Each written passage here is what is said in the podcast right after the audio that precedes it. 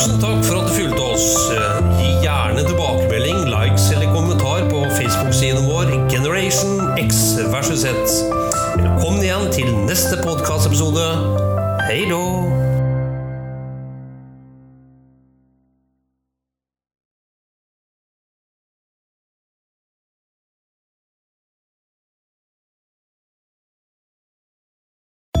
Generation X versus Z.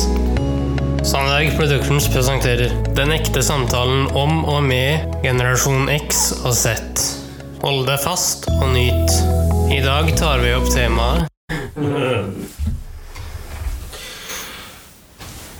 Hei, hei, kjære lytter, og hjertelig velkommen til en ny luke i vår lille julekalender her i Generation X vs. Z.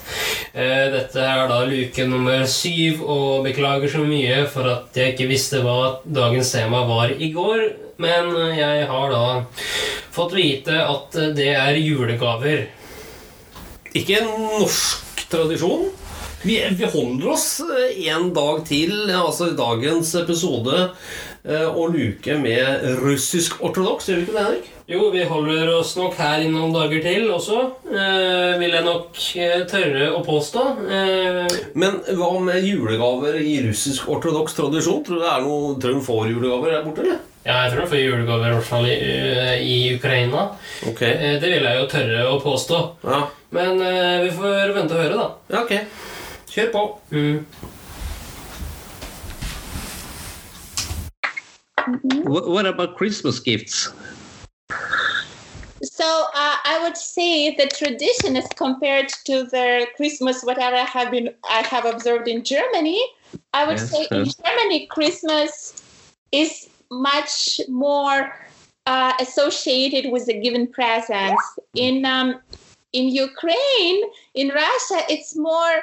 It's not mm, a lot about exchanging presents. Like one can find presents um, at the uh, New Year uh, next to the New Year tree. It's more about the re- this uh, religious rituals. So if even one doesn't give any present, it's still considered to be okay. And even people, Yeah. I would I would say, don't really expect presents.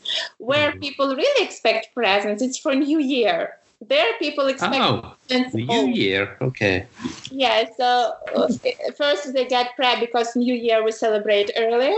So they get presents for New Year, and then into in in a week they uh, it's just more a little bit quiet holiday, uh, religious and calm because New Year is not a religious holiday. It's just like a only celebration of their new phase and New Year. But uh, that's why uh, for for Christmas it's only those who can really afford or who are you know yes who are in a this in a wave of the catholic celebration of christmas then they exchange really uh, big presents. But in general it's not there is a tradition of presents is not there.